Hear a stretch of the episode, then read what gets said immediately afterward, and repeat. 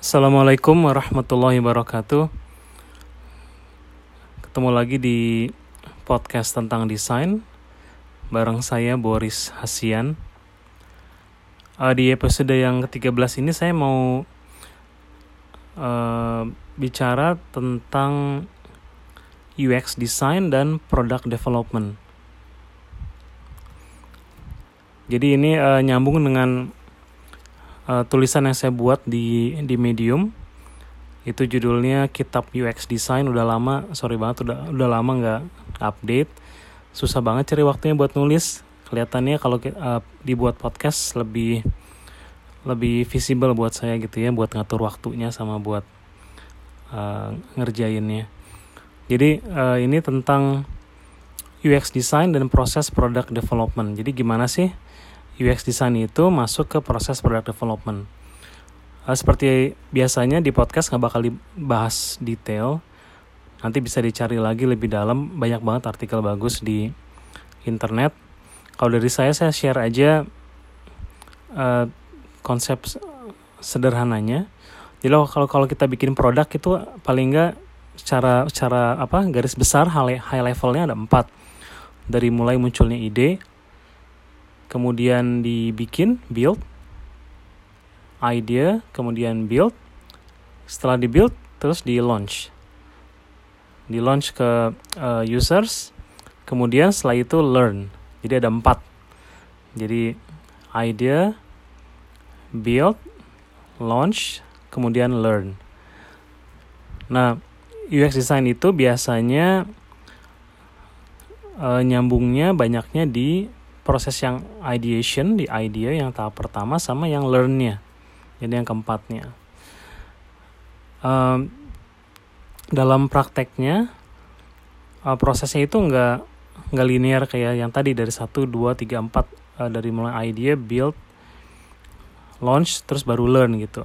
Kalau kita bicara tentang uh, apa apa namanya perusahaan-perusahaan teknologi yang yang startup gitu yang uh, kayak seperti yang saya pernah kerja gitu ya di Grab.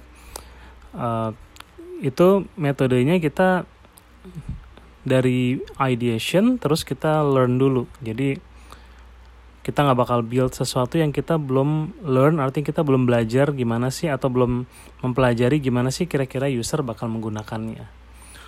Biasanya sebutannya bisa user research uh, bisa user validation gitu ya. Jadi uh, user research itu topik sendiri yang besar.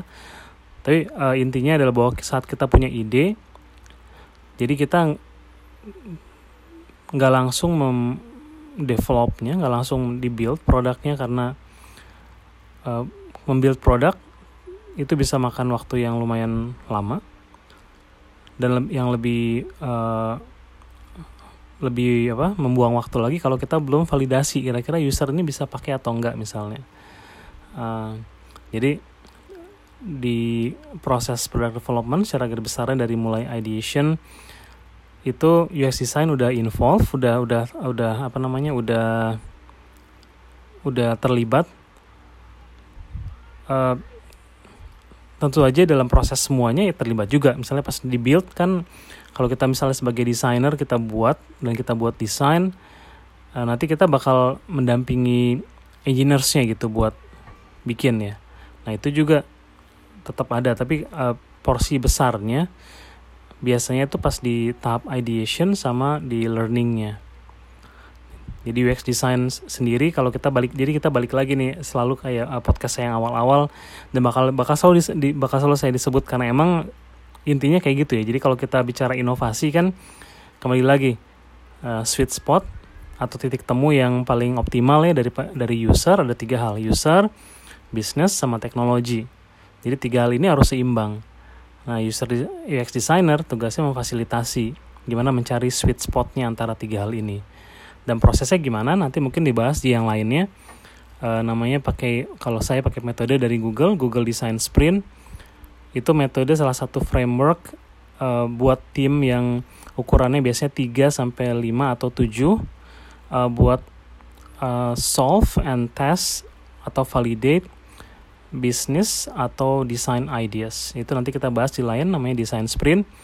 uh, tapi buat sekarang biar tahu dulu gimana proses UX design itu terlibat di mana uh, gampangnya dalam empat stage itu dari mulai ideation kemudian uh, di build di launch dan learn.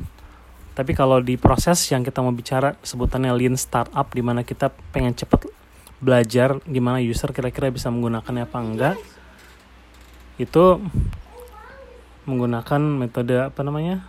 Aduh jadi lupa ini ada anak saya tadi masuk. Pakai design sprint. Jadi kita dari mulai uh, ideation itu nggak build tapi kita loncat ke yang keempat yaitu learn. Jadi ideation ideation learn ideation learn sampai kita ketemu kira-kira yang saat itu kita confidence buat uh, solusi yang kira-kira paling bagus baru kita build. Itu dulu aja buat uh, pengantarnya uh, hubungannya antara UX design sama product development. Nanti lanjut lagi kalau ada yang gak, kalau yang nggak jelas bisa tanya di sosial media atau bisa ke LinkedIn saya di add LinkedIn saya terus tanya di sana. Uh, nanti saya jawab lagi di podcast selanjutnya ya. Gitu dulu. Wassalamualaikum warahmatullahi wabarakatuh